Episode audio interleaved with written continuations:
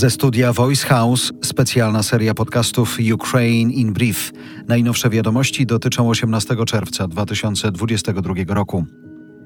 Codziennie na Ukrainie z powodu rosyjskiej inwazji ginie dwoje dzieci. Od początku wojny zginęło już co najmniej 323 dzieci, a prawie 600 zostało rannych.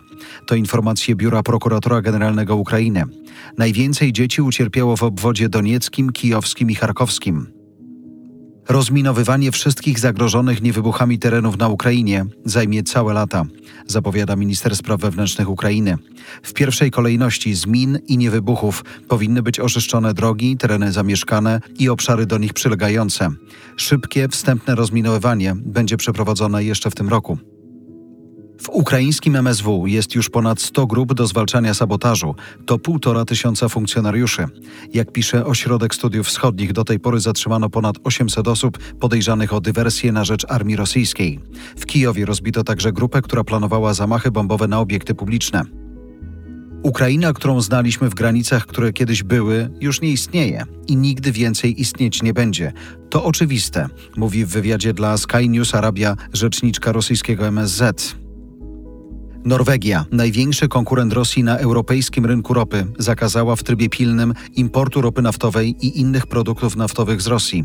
Rosyjskie koncerny zostały także odcięte od norweskich technologii. Po tym jak prezydent Kazachstanu na Międzynarodowym Forum Ekonomicznym w Sankt Petersburgu zapowiedział, że nie uzna samozwańczych republik na wschodzie Ukrainy, Rosja zmniejszyła, a potem zatrzymała transport kazachskiej ropy. Rosjanie przeciskają się do przodu cal po calu i ważne jest, żebyśmy pokazali, że Ukraina może wygrać i wygra, mówi brytyjski premier po powrocie z Kijowa. Ostrzega także przed ryzykiem zmęczenia tematem Ukrainy w miarę przeciągania się wojny. Boris Johnson twierdzi także, że przyszłoroczna Eurowizja powinna odbyć się w Ukrainie, niezależnie od wojny. Według szefa brytyjskiego rządu konkurs powinien być, jak nie w Kijowie, to w innym bezpiecznym ukraińskim mieście. To było Ukraine in Brief od Voice House. Kierownictwo produkcji Dorota Żurkowska. Redakcja Agnieszka Szypielewicz. Dystrybucja Olga Michałowska. Realizacja Kacper Majdan. Dźwięk Kamil Sołdacki. Redaktor naczelny Voice House Jarosław Kuźniar.